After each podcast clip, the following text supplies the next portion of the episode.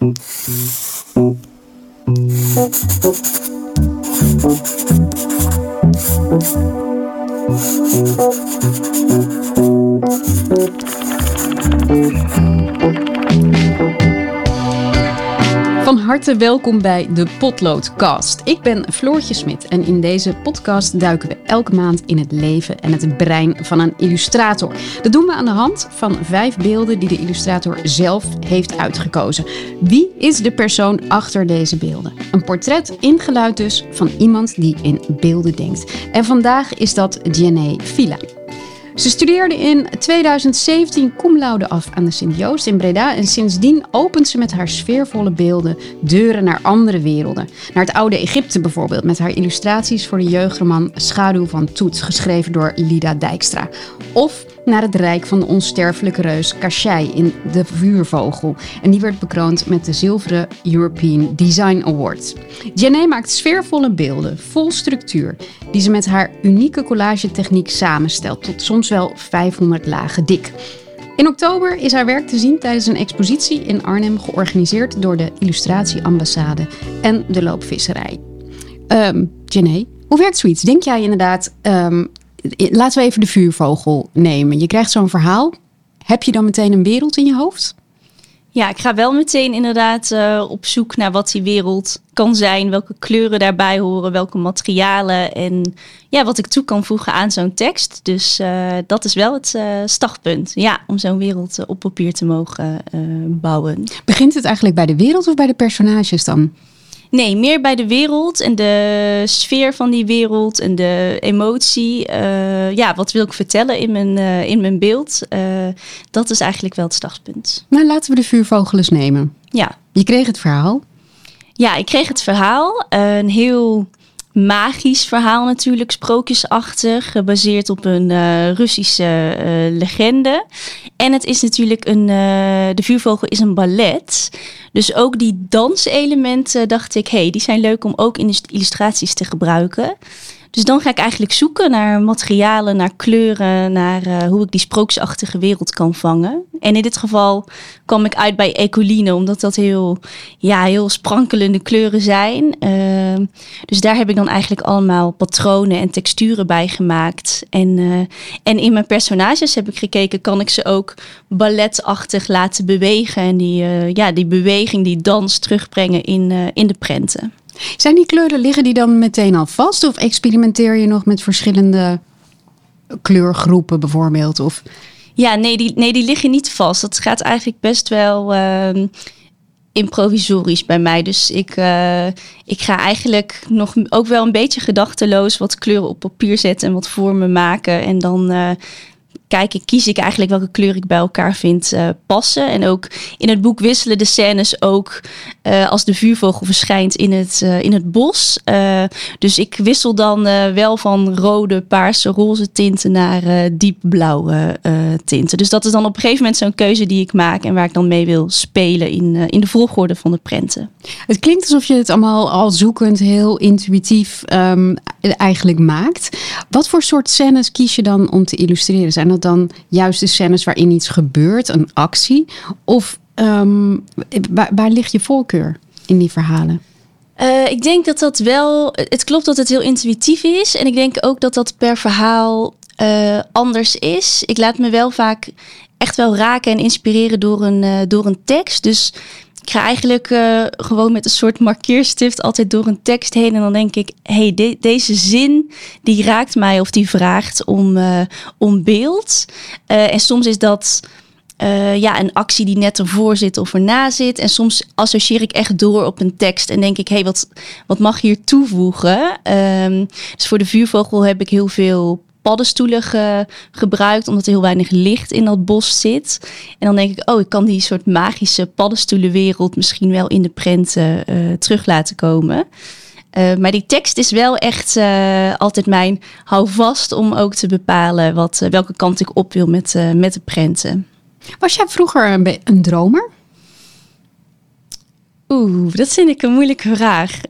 Um, Ik moet wel meteen denken aan eh, wat een docent op de kunstacademie tegen mij zei. Iets van eh, met, je, met je hoofd in de wolken en je voeten in de klei. Dat, dat vind ik wel een mooie. Ik denk dat ik wel kan, kan dromen in het, uh, ja, tijdens zo'n maakproces. En dan zit ik ook wel echt in mijn eigen bubbel. Maar ik ben denk ik daarnaast ook soms best uh, ja, iets zakelijker of uh, iets meer down to earth uh, als ik andere keuzes moet maken in mijn, ja, binnen mijn illustraties of in mijn bedrijf. Nou ja, wat je doet is natuurlijk ook heel praktisch met die collage. Ik bedoel, het is, ja. het is werk. Ja. Ja, klopt. En niet alleen ja. maar dromen. Nee, maar binnen zo'n project is, het, is dat dromen ook wel belangrijk. Dat, ja, ik denk dat associëren en dat zoeken naar uh, ja, wat, wat mag ik toevoegen of wat is hier interessant om, om echt een tekst en een verhaal te verrijken eigenlijk. Ja. Hoe ben jij uh, begonnen met tekenen? Heb, weet jij nog iets? Was het, is dit, was het altijd al in je leven? Ja, best wel. Ik kom uh, echt wel uit een familie waar veel getekend werd en veel verhalen verteld. En rondom geschiedenis en, uh, en cultuur. mijn moeder tekent ook en schildert voornamelijk. Dus tekenen is wel, uh, ja, dat deed ik echt als kind uh, al wel heel erg uh, veel. Ik ben alleen, ik heb daarna wel meer de verandering gemaakt naar dat collage en, en, mijn eigen handschrift kunnen vinden. Maar tekenen speelde altijd wel een grote rol. En wat tekende je dan? Ja, ik tekende ik heb nog door mijn oude tekeningen gebladerd thuis. Ja, je ziet daar wel van alles in terug. Dus ook wel de gewoon de prinsessen en dat soort tekeningen. Uh, maar ook wel de dingen die ik, ja, die ik zag als kind of um, die mijn ouders uh, mij lieten zien. Uh, dus dat is eigenlijk, gaat, ja, gaat best wel ruim, is best wel ruim divers, is er van alles te zien. En ook wel meteen in verschillende materialen, vind ik. Dat valt mij dan toch wel op. Hoe bedoel je? Ja, je hebt, uh, ja, mijn ouders hadden veel, veel knutsel kunstmaterialen. Dus uh, waar misschien uh, andere kinderen snel potlood en, en met stiften tekeningen maken, zie je bij mij soms ook Oost-Indische inkt of een soort bamboepennetje. Terwijl ik dan nog best jong ben, maar dan met eigenlijk ander soort materialen aan de slag ben gegaan.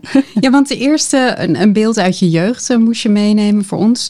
Ehm, jij hebt Nefertiti nagetekend op vakantie. Ja. Inderdaad, met Oost-Indische inkt. Ik echt dacht, hoezo neem je dat mee ja, op de precies. camping? maar oké. Okay. ja, dat zit dan dus in zo'n etuietje wat dan uh, meegaat. En... Um, ja, dat beeld inderdaad, denk ik, ja, dat is gewoon een typisch beeld. Want onze vakanties bestonden echt uit het bezoeken van historische bezienswaardigheden en de musea. En het is gewoon heel grappig eigenlijk dat, dat die tekening, ja, dat ik die dan een dag later op de camping toch uh, uh, die buste van Nefertiti nagetekend heb. En ik denk uh, ja, dat ik dan toch uh, geïnspireerd raakte of het, of het gewoon ja, spannend vond. Die, dat beeld met die lange nek en die omlijnde ogen. Dus ja, die tekening heb ik dan vervolgens gemaakt. Dus er zijn zeker tekeningen van al echt van kind dat ik al een soort godtekening na heb getekend of zo'n uh, beeld uit een museum. Ja, dat is wel heel erg uh, grappig om terug te zien. Ja, want je was toen je Nefertiti tekende was je elf. Ja, klopt. Ja. Dus je ging met je ouders naar dat museum. Het museum staat in Berlijn. Ja. En toen zag weet jij dat nog? Was, dat, was die buste iets waarvan je dacht... Nee, ik heb niet meer echt die herinnering, maar wel het beeld... Uh, ja, die, waar, andere, waar ik later van andere mensen hoorde... oh, wij hebben gewoon uh, aan het zwembad gelegen heel de vakantie.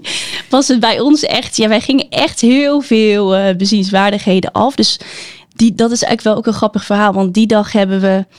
Ja, we zijn naar Checkpoint Charlie geweest en we hebben allerlei highlights gezien in Berlijn. Toen zaten we eigenlijk net uit te rusten op een, uh, in een park en toen zag mijn vader dus een poster van het Egyptisch Museum met de buste van Nefertiti. En dacht, oh, daar moeten we nog naartoe. Maar ja, het was al best wel laat. Wij waren ondertussen mijn broertje en mijn moeder en ik vrij moe ook. maar die dacht, oké, we gaan, we moeten alleen, al gaan we alleen die buste bekijken. Dus we zijn echt, uh, volgens mij een half uurtje, twintig minuten voor de sluitingstijd nog naar binnen gerend. Alleen de buste bekeken.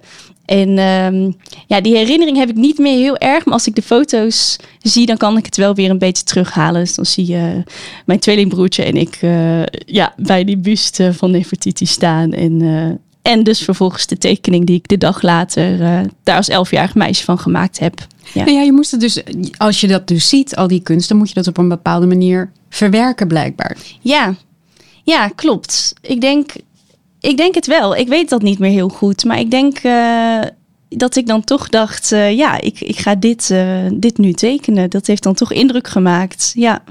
Als je vader je dan meeneemt hè, naar, naar die buste, gaat hij er dan heel veel uitleg bij geven? Of laat ja, hij je gewoon. Oh ja? Zeker. Ja, heel veel uitleg. Ja, dat is echt. Uh, er zijn zoveel verhalen en hij vindt hij is ook heel goed in vertellen. En nou, als kind dacht ik soms, dit is veel. Maar nu, ja, het is, het is ook heel leuk en heel inspirerend. hij heeft echt gewoon een hele grote fascinatie voor die geschiedenis en die verhalen. En ik denk dat het gewoon zo grappig om dat terug te zien. Dat dat nog steeds stiekem nu in mijn werk zit. En dat ik nu zelf op pad ga om zo'n museum uh, dan toch weer te bezoeken. En achtergrondinformatie te vinden. Als ik zo'n historisch of non-fictie uh, boek ga illustreren bijvoorbeeld. Ja, want er is een hele mooie parallel natuurlijk met je, met je boek uh, De Schaduw van Toet. Ja, ja. Ben je toen weer teruggegaan naar Nefertiti? Want dat is, laat ik, het, laat ik het even uitleggen. Het is een jeugdboek. Het gaat over, over het oude Egypte. Dus je hebt heel erg uh, die elementen daarvan ook gebruikt. Ga je dan weer ja. terug? Um, ja, eigen, ja, ik heb dat voor Schaduw van Toet um, wel gedaan.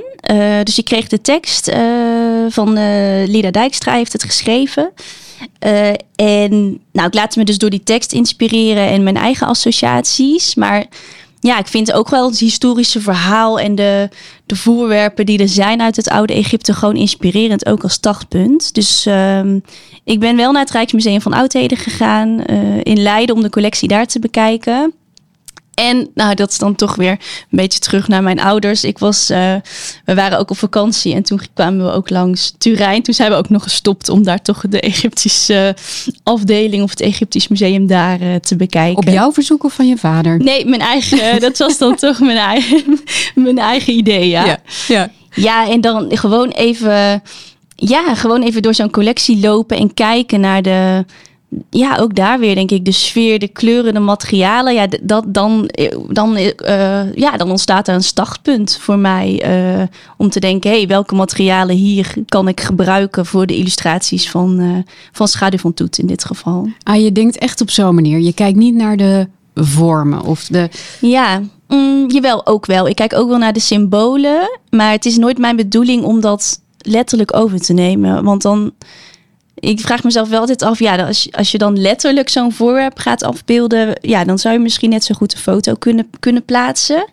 Dus ik denk wel dat ik probeer het um, naar een ja, eigen tijdse vorm te, te plaatsen. En ook, ja, ik probeer toch ook emotie toe te voegen en, uh, en iets in iets extra's wat een tekst interessanter maakt. Maar als daar ja, mooie sieraden, symbolen, dingen in zitten, dan uh, kan ik die zeker wel verwerken als, in, als een detail in een, in een illustratie of bij een uh, personage bijvoorbeeld. Ja. Ik las een recensie van je werk. Daar staat: uh, Villa's duistere kleurgebruik in combinatie met bladgoud creëren een mystieke sfeer die de Egyptische kunst treffend weerspiegelt. Fantastische dingen, riep Karzer vol verbazing uit toen hij omschreef wat in Tutankhamens groeftombe aantrof. Eenzelfde verwondering roept ook Villa op. Dat is mooi toch? Ja, dat is toch precies prachtig. wat je wil. Ja, ja dat, dat vond ik zo mooi verwoord. En ik denk ook die zin die staat inderdaad in het voorwoord van het boek van uh, die archeoloog die die graftombe ontdekt. En ik vond het zo spannend en mysterieus ook. Dat uh, die, die vormen die langzaam opdoemen en dat goud. En ja, dat was wel, dat is dan zoiets waarvan ik denk, hé, hey, dat wil ik ook in mijn illustraties naar voren uh, laten komen. En ja, dus ik heb bladgoud inderdaad ingescand. En dan juist, ik vind dan dat hele perfecte, beetje kitscherige goud niet zo interessant. Maar als je het gaat schuren of bewerken met schuurpapier, dan, uh, ja, dan, wordt, dan krijgt het iets verweerd. En uh, dan vertelt het ook alweer een soort. Dan heeft het misschien het materiaal ook een soort geschiedenis of een soort eigenheid. En dan denk ik, ja, dit is interessant. En daar knip ik dan allerlei stukken uit die ik voor mijn collages eigenlijk gebruik. Ja. We gaan naar het tweede beeld wat je hebt uitgekozen. Het is een beeld dat jou op het spoor zette om uh, illustrator of als kunstenaar door het leven te gaan. En jij koos um, werk van Karel Kneut. Ja, ja, dat klopt. Dat is echt. Wie is Karel? Uh, wie is Karel? Karel is een fantastische uh, illustrator. Um, nou, veel bekroond illustrator ook. En ik leerde ik, ja, ik ontmoette hem eigenlijk tijdens uh, een uitwisseling van de kunstacademie. Uh, en dat was, ja, ik, dat was echt het moment waarop ik dacht: wow, nu heb ik een echte kinderboekillustrator ontmoet. Die echt zelf, uh, die en docent is en echt zelf gewoon met beide benen in het vak staat. En ik vind, ja, hij maakt echt zo'n inspirerende en geweldige beelden. Dus ik heb veel boeken van hem in de kast staan. En ook om daar uh, les van hem te mogen krijgen. Ja, dat, dat was echt heel een feestje, vond ik. Ja. Kijk je dan vaak in die boeken of denk je, oeh, dat is misschien meer iets voor mijn achterhoofd, maar ik moet niet direct de inspiratie zoeken? Um, nee, ik ben daar niet zo bang voor, denk ik. Ook omdat um, ik denk dat hij echt wel een heel ander soort werkwijze uh, heeft qua techniek. Hij schildert echt met een heel dun penseeltje alles op het papier helemaal uh, uit. Echt uh, heel knap, vind ik. Uh, maar hij heeft mij zo, vooral denk ik ook anders laten kijken gewoon naar hoe kan je met beeld omgaan en met narrativiteit en composities. En dat vind ik wel heel erg inspirerend. En dat, dat, ja, dat heb, ik wel meegenomen vervolgens naar mijn eigen beelden. Hoe je daar toch spannender naar kan kijken. Want ik vind dat hij daar erg, uh, erg sterk en inspirerend uh, in is. Ja, je hebt twee beelden meegenomen. Welke, welke zullen we bespreken? De man met de poppetjes of met de bomen? Um, misschien uh, met, de, met de karakters. Ja, uh, poppetjes noemde ik dat heel oneerbiedig. Sorry, Karel. met de karakters. Met de karakters. Um, ja, ik denk, ik heb die gekozen omdat ik dacht, ja, daar uh, zie je dat hij sommige karakters helemaal uit heeft gewerkt. Maar andere heeft hij. Um, ja, die zijn, daar zie je alleen een hoofd of daar zijn stukken nog geschetst. Dat, ik weet nog dat, hij, dat ik dat uh, zag in zijn boek en dat ook hij daar iets over vertelde. En toen dacht ik, dit is gaaf. Dat je durft dat niet helemaal uit te tekenen. En dat je durft ook um, zo'n karakter af te snijden, van de pagina af te laten vallen. Dat doet hij ook uh, veel in zijn werk. En dan, ja, de, de tekening gaat door buiten het boek. Uh, dus uh, ja, tekening hoeft niet van kop tot teen precies uh, in het centrum van een pagina te staan. Maar uh, je kan zo ja, afsnijden en spannende composities zoeken. Ja, daarmee zeg je eigenlijk van de hele wereld loopt nog door buiten het boek. Ja, Dit precies. is maar een fragmentje. Ja, ja, dat is echt wat hij, uh, ja, wat hij wil volgens mij ook met zijn illustraties en met zijn uh, werk. Dus opnieuw naar die composities kijken en uitsneden zoeken die spannender zijn. Uh, dat is echt iets wat ik toen heel inspirerend vond in de boeken die hij maakt. Sowieso met, met de karakters, de manier waarop ze op dat blad zijn, geeft het meteen al iets veel spannenders. Het Precies. is een groep mensen. Ja. En dat klinkt nu op de radio een beetje saaiig. Ja. Maar toch is het een, ja, uh, iets waar je heel lang naar kan kijken. Ja, en er zijn ook, ze hebben kooitjes uh, vast. Die zijn dan weer met hele dunne lijntjes getekend. Wat andere, de, de karakters bestaan meer uit vlakken. Ik vind dat uh, ja, heel spannend. En ook het uh, omslagbeeld van dit boek is ook heel spannend. Daar is juist een karakter, maar daar is een silhouet van gemaakt. Nou, ik hou zelf heel erg van silhouetten en schaduwspel en zo ook. Ik denk omdat daar ook weer die verbeelding in zit en die vragen oproep van wie is dat, waar kijk ik naar, wie ga ik ontmoeten in dit boek. Um, ja, dat, dat vind ik heel tof en spannend en gebruik ik uh, zelf voor mijn werk uh, ook eigenlijk heel veel. Ja, dat is grappig, want vaak zeggen mensen dat je moet het gezicht zien zodat je um, Hè, dat vinden mensen prettig. Die houden niet zo van ja. silhouetten. En, en, Ja. Voor illustraties geldt voor jou het omgekeerde. Ja, geldt echt het omgekeerde voor mij. Ik kan ook heel erg um, een karakter met, met toch bepaald gezicht. eh, Dat ik denk, oh ja, nu, nu raak je mij juist kwijt. Uh, en ik denk, er zit een soort spanning en verbeelding in een silhouet. Je, kan, je mag als lezer, kijker zelf nog een stukje invullen. Vind dat je een meer open persoonlijkheid daardoor creëert. En emotie kan je, emotie kan je laten zien door kleur en door textuur, denk ik. Dus um, ja, ik, ik zoek daarin niet naar echt een uitgewerkt gezichtje of een traantje, maar meer van wat kan een uh, kleur of structuur eigenlijk zeggen. En ik, ik geloof dat je daarmee ook emotie over kan uh, brengen. Je zei, het is een, uh, hij, hij was een, een echte kinderboekenillustrator. Ja. Die had je daarvoor nog nooit ontmoet? Nee. Hoe nee. kan dat nou? Ja, dat is gek eigenlijk. Hè? Ik denk, um, ja, ik, Ik weet niet zo goed. Ik, in Gent ehm, heb ik dus een jaar gezeten. En het was sowieso daar gewoon om iemand te ontmoeten die dat echt als vak inderdaad had. Maakte voor mij denk ik ook veel meer ehm, ja, had ik veel, wat veel meer mog een mogelijkheid. Ook voor mij van, oh, je, je kan dus wel echt uh, illustrator worden en, uh, en uh, dit als je beroep doen. En dat is heel gek, maar op de kunstacademie was dat toch nog wat abstracter, denk ik, voor mij. En misschien ook gewoon, ja, wellicht dat meer kunstacademie studenten dat herkennen, maar toch ook nog best wel onzeker is van, oh jee, hoe gaat dat eruit zien dan na zo'n academie? En uh, kan ik daar wel mijn beroep van maken? En ja, bij, uh, bij mijn ontmoeting met Karel dacht ik, wow, dit, uh, hij doet dat gewoon, hij kan dat gewoon. Je had gewoon nog niet bedacht dat je kinderboekillustrator zou kunnen worden op de. Nee, ik denk dat hij dat mij wel, ja, dat in dat derde jaar dat is dus een beetje gebeurde dat ik uh, dacht, oh ja, wel kinderboeken en die verbeelding en die fantasie, dit kan je dus daarmee, kan je daarmee worden. Ja, maar ik kende niet echt, nee, ik kende toen nog niet echt de illustratoren die dat gewoon deden als, als beroep. Dus dat was wel belangrijk, denk ik, om toch zo iemand tegen te kunnen komen en ook zelf te durven geloven van hé, hey, misschien kan ik dit dus ook proberen. En waarom denk je dat dat hele kinder, kinderboeken vooral dan bij jou zo klikte?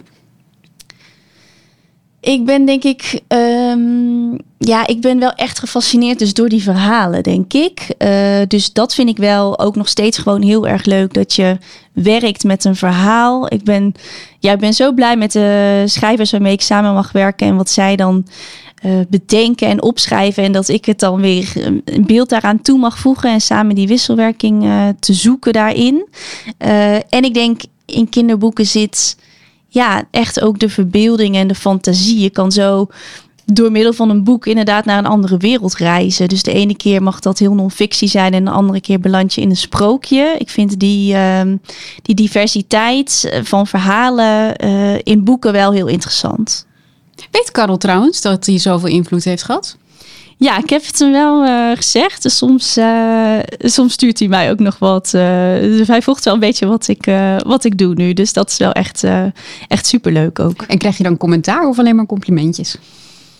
Nou, ik kreeg toen in die lessen, weet ik nog wel echt, uh, ja, wel echt commentaar en, goed, en echt hele fijne feedback dus. Uh, waar ik echt op beeld gewoon beter door kon, uh, kon denken en kon kijken. Ik heb daar denk ik wel stiekem best wel veel stappen gemaakt voor mijn illustraties en meer de technische kant daarvan.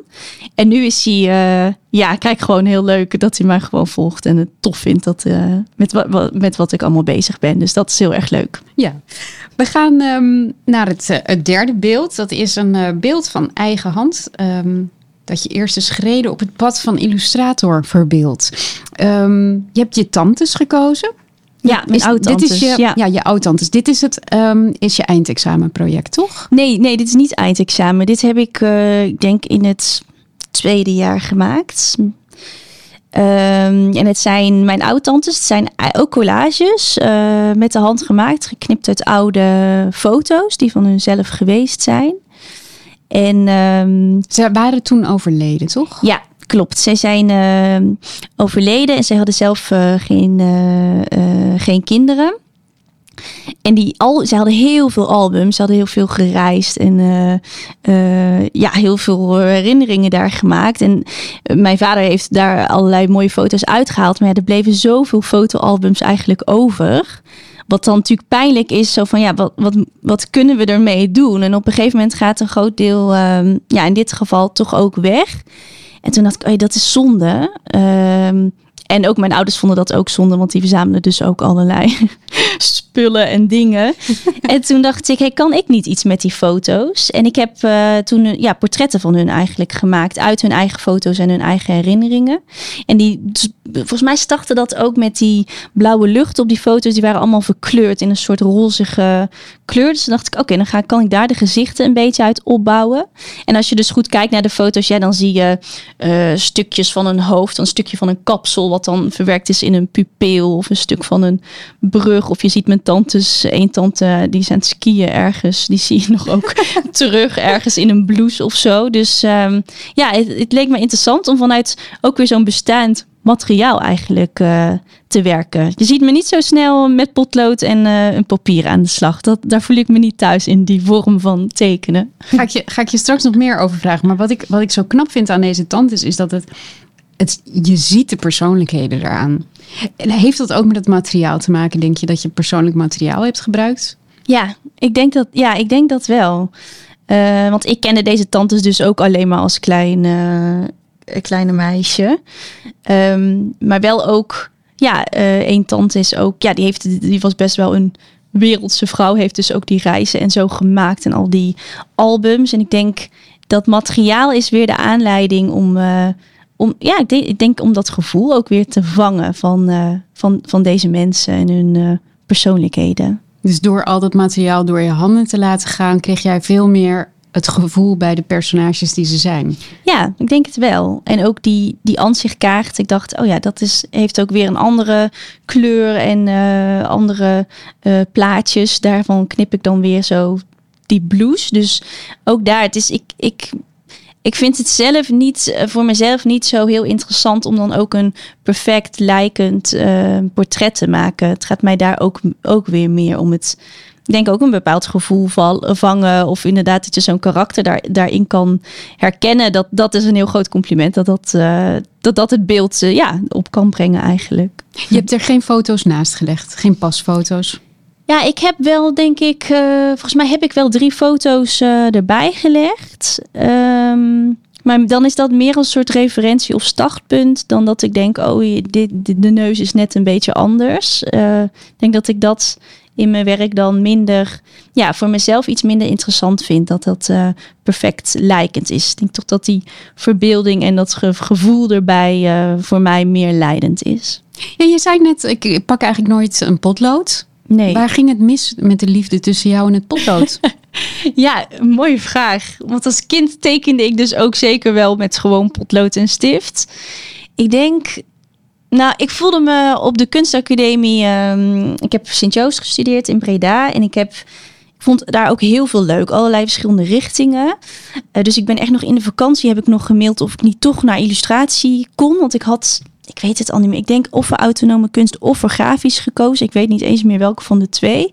En toen dacht ik opeens, oh, ik moet misschien toch voor beeld, uh, beeldmaker uh, uh, gaan, gaan kiezen. en daar voelde ik me eigenlijk meteen ook niet helemaal thuis. Omdat daar dus uh, ja, mijn klasgenoten ontzettend uh, goede technische tekenaars waren. Dus die konden wel met potlood op papier en met houtskool um, in een modeltekenles ontzettend goed dat in een paar minuten op papier vangen. En ik weet nog wel dat ik me daar heel onzeker en kwetsbaar voelde van, ah, ik, ik krijg niet goed uit dat, uh, uit dat potlood of dat houtskooltje wat ik eigenlijk wil. Dus ik denk dat ik daar eigenlijk het een beetje verloor met dat potlood en, uh, en papier. Het is ook ellendig. Hè? Dan kom je inderdaad, je komt op de Sint-Joost. Je hebt altijd te horen gekregen waarschijnlijk dat je natuurlijk supergoed kan tekenen. Want anders kom je daar niet. Um, en dan, dan word je opeens omringd door heel veel mensen die dat allemaal kunnen. In plaats van op je middelbare school waar je waarschijnlijk een uitschieter was. Ja, nee, ik denk dat dat, dat, dat inderdaad wel klopt. En uh, en ook dat er dus inderdaad echt veel mensen zijn die, uh, die daar gewoon juist dat, dat technische heel goed al, al beheersen. Of heel veel natekenen juist. En uh, die stappen had ik helemaal nog niet gezet. En ik denk ook uiteindelijk... Ja, misschien had ik daar ook al gewoon moeten denken hey, ik doe het op mijn eigen manier. Ik, ik pak hier een schaar of ik ga iets anders doen om, om een model uh, te vangen op papier. Uh, want er nog steeds, nou, ik voel me nog steeds niet thuis met een houtskooltje of met een uh, potlood. Behalve als ik, het in, als ik er anders naar kijk, denk ik. Als ik het inzet om materialen, texturen te onderzoeken en te maken.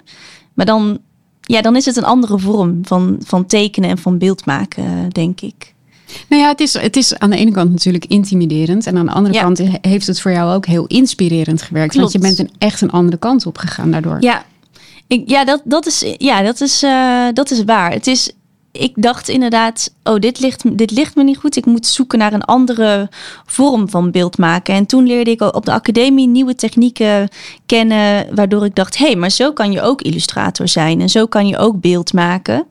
Eh, en ik weet nog dat we een les hadden over tabletop settings heette dat. Waarop je dus op je bureautje gewoon kon knippen, bouwen, een lampje erachter schijnen. Ja, dat spelende en experimenterende, daarmee ging ik los. Dan hing echt mijn... Uh, de, de muren en de vloeren bij mijn bureautje op de kunstacademie helemaal vol met alleen maar foto's en experimenten en proefjes onder de scanner. Ehm, en dat is ook een voorbeeld van die tantes. Dat je denkt, oké, ik kan vanuit een ander materiaal, wat al een bepaald, ja, wat al een bepaald verhaal of uh, gevoel weergeeft, daarmee kan ik ook werken. En toen, ja, toen ging ik wel los. Toen kon ik gewoon denken, oké, dat ene is minder mijn ding, daar voel ik me minder thuis. En in die andere materialen werd ik denk ik zelfverzekerder ook in het beeld uh, maken. Is het dat spelen wat je het leukst vindt aan? Ja, ik denk dit spelen, het, uh, het toeval, wat gebeurt er op het papier, op het materiaal. Als ik dingen onder de scanner gooi en dan weer beweeg en er een lampje achter zet. Uh, die zoektocht naar verschillende materialen. Wat gebeurt er als ik uh, met koffie werk of ik heb ooit een, een kabelkousje. Daarmee hou je kabels bij elkaar. Gebruikt om een hele Minotaurus, uh, een mythologisch wezen uit op te bouwen. Dus ik ben anders gaan kijken. Ik kijk anders, denk ik, naar materialen en naar vormen. En dat, uh, dat spelen en ontdekken wat gebeurt er, wat ontstaat er, dat is echt, ja, dat is heel plezierig om te kunnen doen. En hoeveel tijd neem je daarvoor? Of hoeveel tijd heb je daarvoor? Uh, ligt ook een beetje aan het project. Ik heb ondertussen best wel een uh, map en digitaal en in mijn kast met allerlei materialen en texturen. Dus als ik minder tijd heb voor iets, dan. Uh, Hou je dan... er gewoon een uit. Precies, ja, hm. dan blader ik wel eens er doorheen. Of dan denk ik, oh, dit kan ik hergebruiken voor iets anders, juist weer. het patroon dan, de vlek of het textuurtje. maar zeker voor mijn boeken, ja, dat is zo'n dat, dat, uh, daar wil ik gewoon alle ruimte en tijd in steken. Dus dan begin ik echt weer helemaal opnieuw met bedenken. Hey, en om me heen kijken welke materialen passen hierbij. En wat, uh, ja, dan begint het spelen en het experimenteren echt uh, opnieuw. En dan neem ik daar ja, zeker wel uh, tijd voor om dat eerst eens te gaan ontdekken. En nog niet bezig te zijn met welke compositie moet het precies zijn. Dan is het puur uh, de vraag, wat, wat wil ik gaan vertellen? Welke emotie roept het op? Uh, welke kleuren passen bij dit, bij dit verhaal en dit tijds, de tijdsperiode waar we naartoe terugreizen bijvoorbeeld. En dus ook van wat gebeurt er als ik dit, dit sinaasappelnetje zo neerleg? Of Precies. als ik het ophang? Of... Ja, uh, knip, ophang, inscan. Uh, ik werk eigenlijk, ja, ik combineer analoog en digitaal met elkaar. Uh, dus er gaat ook heel veel onder mijn scanner. En ook, ja, dus dat stukje bladgoud of papier is wat gebeurt als ik dit ga schuren of er met bleek overheen ga. Ja, dat is echt spelen en, uh, en ontdekken. Lukt het ook wel eens niet? Ik kan me voorstellen, Zeker. met de tantes, daar heb je natuurlijk, hoe lang heb je daaraan zitten schuiven tot de bril precies goed lag en, en de haren precies goed? Uh, Oeh, dat weet ik niet meer precies. Maar ik denk eigenlijk dat ik die redelijk uh, snel gemaakt heb. Ik vind dat schuiven, ja, ik vind dat zo leuk. En ook niet heel moeilijk om te doen. Omdat je, ja, je ziet, ik, wat ik lastig vind aan potlood en houtskool je lijnen staan zo vast. En daarna eh, kan je het moeilijk herstellen. En bij mij als die vormen en onderdelen gewoon los zitten en ik alle vrijheid heb om te draaien, uh, puzzelen eigenlijk, dan boetseer ik het bijna ook eh, zo'n beeld ja, in elkaar. Dus dat, die tantes die heb ik denk ik wel relatief snel gemaakt. Uh, maar boeken uit mijn, of illustraties uit mijn boeken kunnen veel langer duren hoor. Dan uh, puzzel ik opnieuw met die vormen en dan zoek ik naar wat de sterke compositie is. En dan, ja, dan, dan gaan er wel uh, soms twintig, weet ik veel, 20, 30 composities aan vooraf. Totdat ik denk, hé, hey, zo zit die goed. Maar ja, ja je mag is, schrijven. Dus... Nou ja, precies, dat is het. Kijk, je zegt wel, potlood ligt meteen vast. Maar met, dit ligt nooit vast. Nee. Je kan er een ander materiaal bij pakken. Je kan, dit houdt nooit op als nee. je... Nee, dat klopt ook. Um, maar ik denk dat dat dan toch weer een beetje uh, intuïtief samenvalt. Dat ik dan denk, ja, zo klopt die. Of zo is die spannend uh, qua compositie of qua textuur. Dus het is spelen en schrijven tot ik wel denk, hé, hey, hier, hier gebeurt iets interessants. Uh, en dat is ook dat stuk, ja, wat je dan denk ik cadeau krijgt, wat ik niet helemaal in de hand heb. Uh, en wat ik dus met mijn potloodskets kom ik daar niet. Dan ligt het vast en dan zou ik het, uh, zou ik het zelf misschien denken, oké, nu moet ik het gaan inkleuren of, of gaan zetten naar een echt beeld. En dan ja, dan, dan kan daar niks meer ontstaan daartussenin. En bij mij ontstaat vanuit die texturen en losse elementen nog heel veel tot het eindbeeld. Omdat ik dan denk, oh, uh, nu, nu doe ik iets geks of in mijn computer of op papier. Dan denk ik, hey, dit is, uh, dit is juist wel, wel interessant. Uh, en bij de tantes, ja, die, die sneeuwpatronen um, van mijn tante die daar op ski staat. denk hé, hey, daar zie ik eigenlijk haren in. Die kan ik daarvoor gebruiken. Dus ik denk ja, vanuit die texturen en die, uh, en die vlekken eigenlijk. Ja, je hebt natuurlijk wel houvast, dat is vaak het verhaal. Want we hebben je gevraagd om een, een autonoom beeld mee te nemen, maar toen zei dat heb ik, eigenlijk, heb ik eigenlijk heel weinig van. Ja, daar heb ik echt weinig van. Uh, omdat ik heel veel in opdracht mag werken. Uh, en ik dat ook echt heel leuk vind. Ik vind gewoon een, een onderwerp, een verhaal heel leuk om vanuit te, te vertrekken. En ik, ik mag hele mooie projecten doen met ontzettend toffe mensen. Dus dat, ja, daar kan ik zo mijn ei in kwijt. En uh, ik krijg ook best wel de ruimte om daar um, toch heel vrij, vind ik, binnen de opdracht te kunnen werken. Dus dat vind ik heel erg leuk. Uh, dus dat autonome beeld kiezen vond ik nog best lastig. Maar toen moest ik terugdenken aan uh, een, een, residentie die ik vorig jaar heb gedaan. Wat, wat ook de eerste residentie uh, was. Waar was dat? Dat was in Moerenburg, een natuurgebied. een hele mooie oude Vlaamse schuur, Allemans heet het. En zij doen allemaal mooie projecten. Maar zij, hebben ook, zij bieden ook de ruimte voor drie maanden aan een kunstenaar. En ik vond dat eigenlijk heel lastig hoor in het begin. Ik dacht echt, ook oh, ben helemaal uit mijn eigen atelier en mijn spulletjes. En ik moet hier opnieuw even een beetje ruimte in durven nemen en mijn spulletjes neer durven zetten. En koffie verzamelen. Ja, wat ga ik hier doen? Sinaasappelnetjes. Uh, ja, precies. Dat vond ik echt wel heel lastig. En ik had ook heel, ik had veel, uh, ik kwam uit veel projecten en, en ik en toen was het iets rustiger. En ik dacht ook, oh, hoe mooi ook om hier juist iets rustiger te kunnen vertragen en een eigen project te mogen doen. Maar ik vond het erg moeilijk. Ja, ik, uh, ik vond dat wel echt heel erg lastig. Alleen uiteindelijk heb ik wel een, uh, een eigen project op kunnen zetten. Ja, je bent, je bent troostkaarten gaan um, ontwerpen. Ja. Waarom troostkaarten? Ik vind troost ook wel um, een mooi onderwerp om voor te mogen werken en illustreren. Uh, ook omdat ik denk dat illustraties uh, zeker niet alleen gekoppeld moeten worden aan kinderboeken en, en kinderen. En het startte eigenlijk met die Um, ja, met de con condoleancekaarten. Uh, als, iemand, als ik een mooie kaart voor iemand wil, uh, wil sturen, die, die, die ik troost wil sturen of die iets heftigs meemaakt, dan ja, ga ik echt altijd op zoek naar een mooie passende kaart. Want ik dus ook daar denk dat het, het beeld kan zoveel vertellen. Ook als je de woorden niet kan vinden of moeilijk uh, kan schrijven. En ik vond dat daar het aanbod gewoon nog steeds best wel ja, heel grauw zijn die kaarten vaak en die voorgedrukte teksten. En toen dacht ik, hmm, misschien uh, is het mooi om zelf uh, eens te kijken of ik binnen illustraties uh, een aantal troostkaarten kan illustreren. Dus ik heb er tien, tien gemaakt, tien verschillende illustraties voor, voor ja, verschillende vormen van verlies eigenlijk. Het is trouwens een interessante, uh, het is inderdaad een, een interessante kaart. Uh, verjaardagskaarten denk ik dat steeds minder worden verstuurd, omdat iedereen gewoon met een appje of ja. een e-mailtje. Maar um, bij verlies wil je vaak toch iets tastbaars. Ja, ik denk dat dat inderdaad. Uh dat dat klopt. Ik heb zelf, ja, ik, hecht, ik vind dat prachtig. Zo gewoon de een kaart voor iemand uitzoeken, die handgeschreven lettertjes. Ook al staat er mij iets heel kleins. Uh, ja, kan je toch raken of troosten op een manier, denk ik, uh, waarop inderdaad dat misschien moeilijker is met een appje.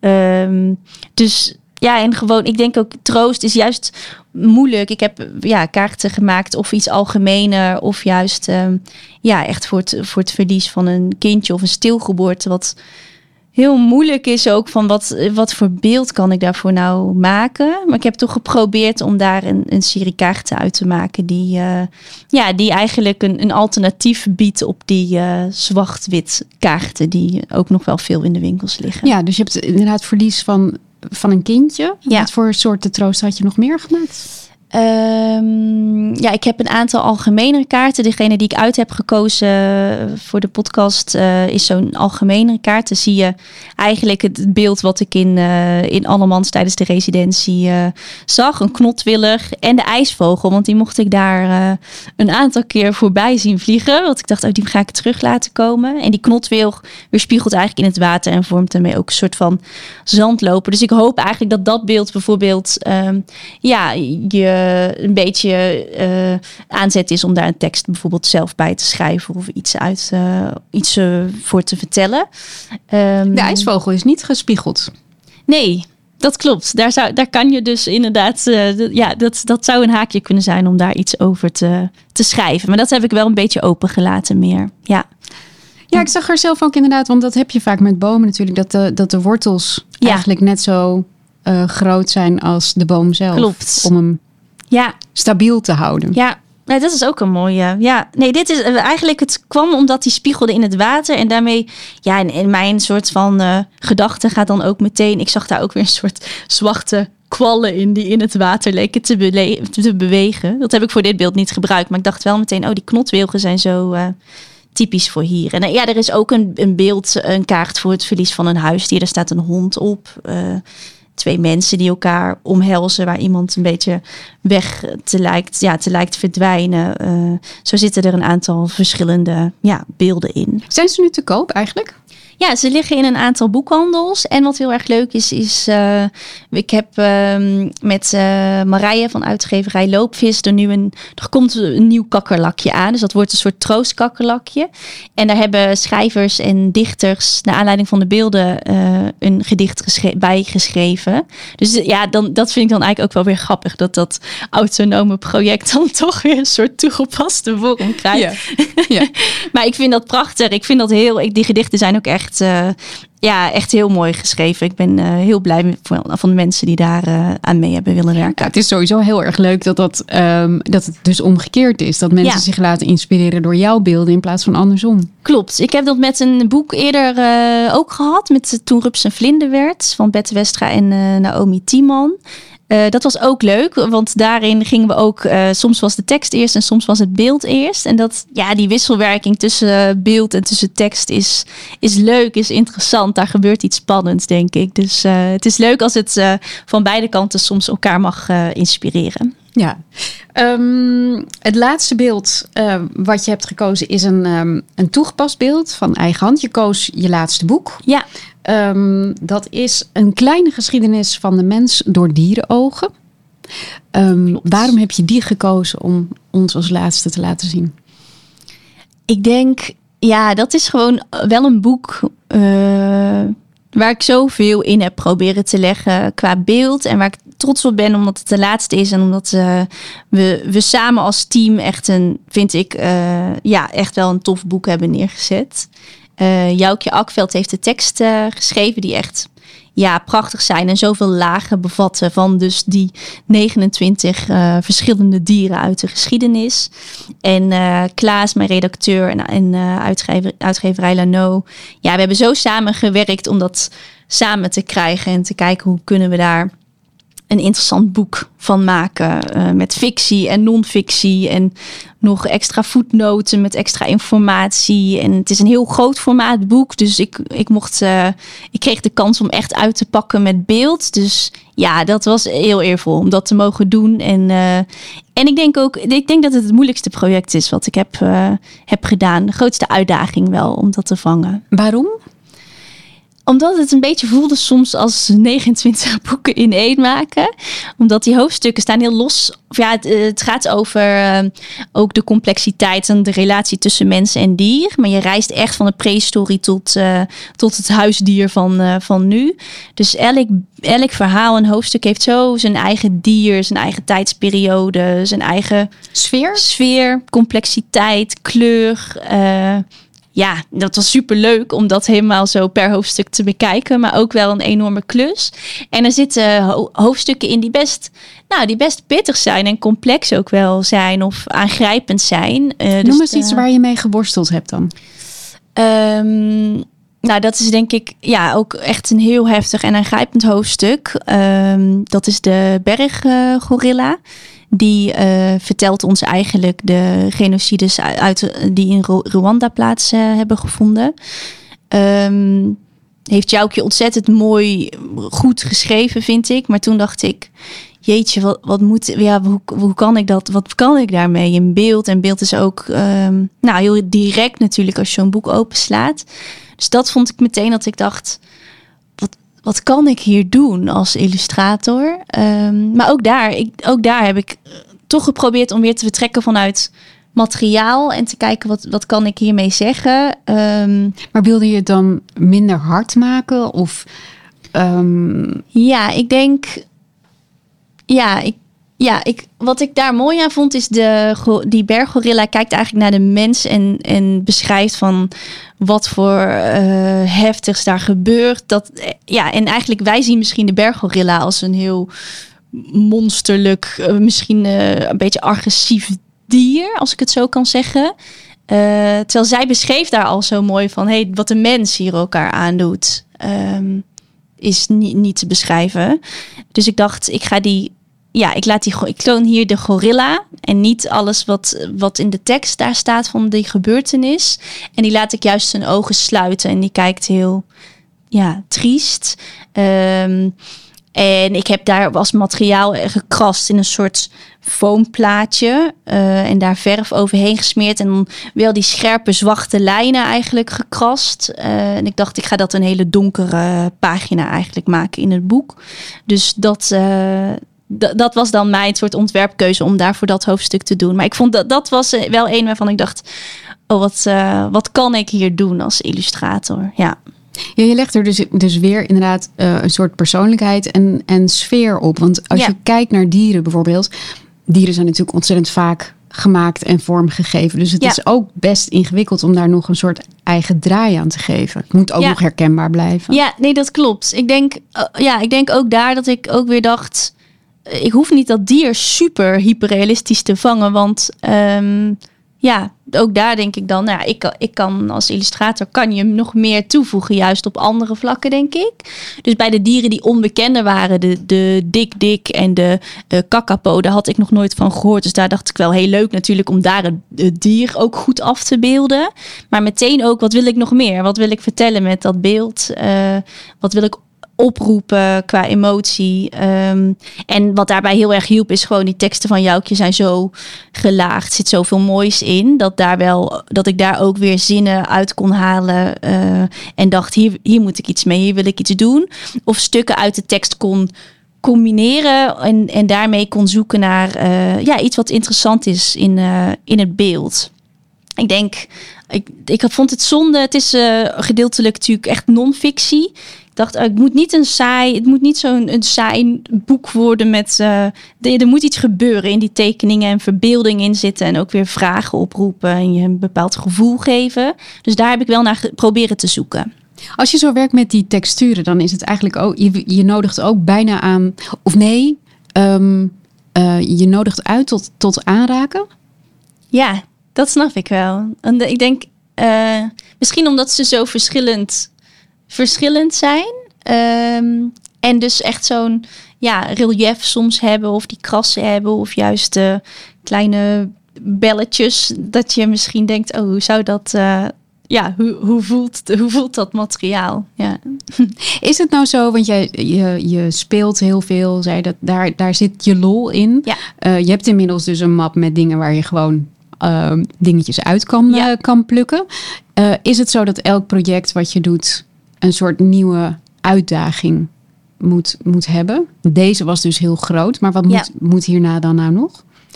Uh, ik ben weer met een nieuw boek bezig. We reizen weer terug naar de sprookjeswereld uh, van de vuurvogel. Maar uh, nu verschillende sprookjes uit verschillende wereld, werelddelen. Dus om niet het Europese beeld van de sprookjes en de sprookjesboeken ehm, weer te laten zien, maar het uh, ja, ook daar weer uh, te verrijken met andere culturen, verhalen.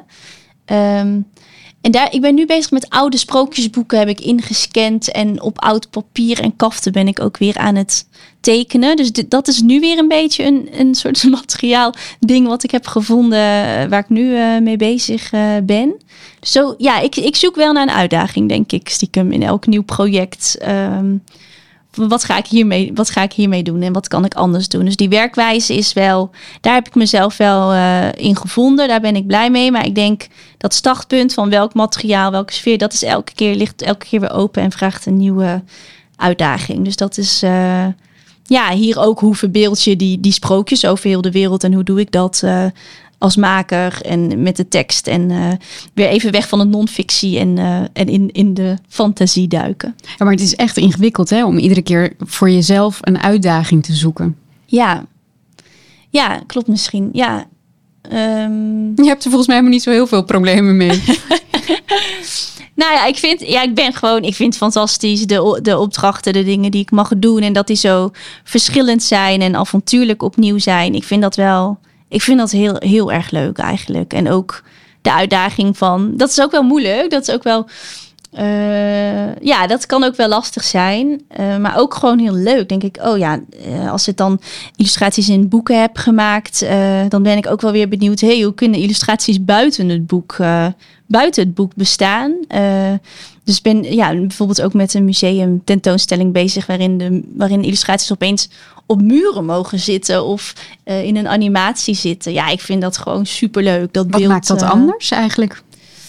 Nou, ik denk het vertellen van verhalen en die emoties vangen. En dat non-fictie is hetzelfde. Dus ik denk dat ik daarom, uh, ja, dat dat wel bij me past. Maar wat nieuw is, is ook gewoon, nou, ook gewoon een stuk tech, ook misschien gewoon technischer van hoe moet ik dit, hoe, hoe bouw ik een illustratie op voor een muur van, uh, van drie meter of hoe uh, animatie ook. Dan, dan werk ik samen met een animator, maar dan is het toch een ander soort vorm. Dus daar zit wel, daar zitten altijd wel nieuwe uitdagingen en dingen van ik denk, oh jee, hoe leuk, ik heb er ja tegen gezegd.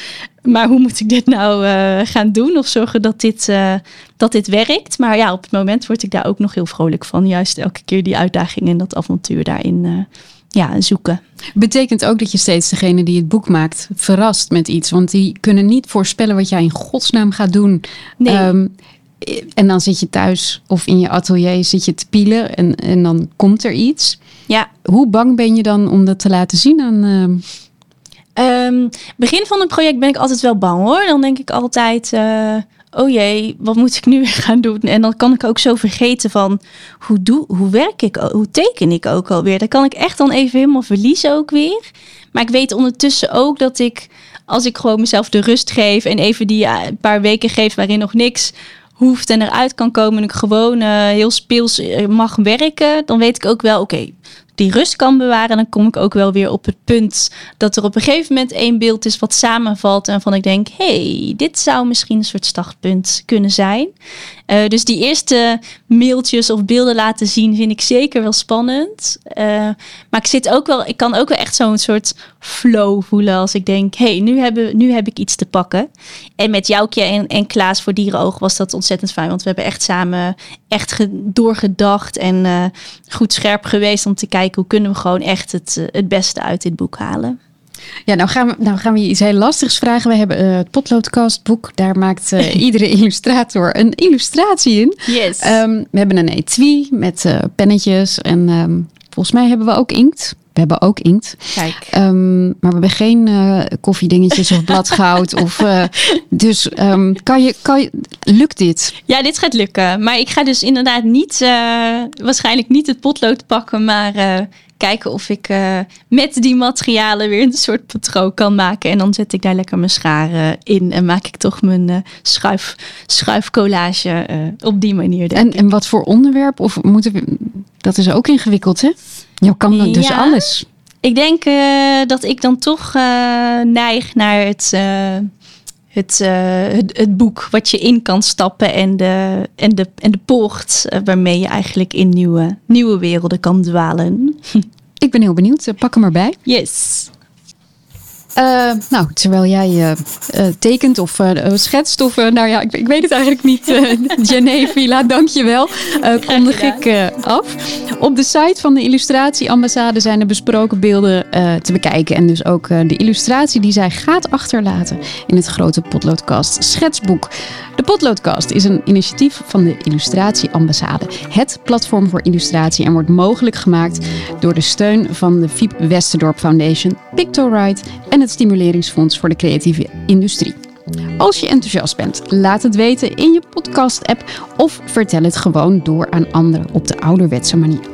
Presentatie Floortje Smit, redactie en samenstelling Marlies Visser, techniek Maarten Boers. Schrijf je in voor de nieuwsbrief of abonneer je op de podcast en we laten je weten wanneer er nieuwe afleveringen zijn.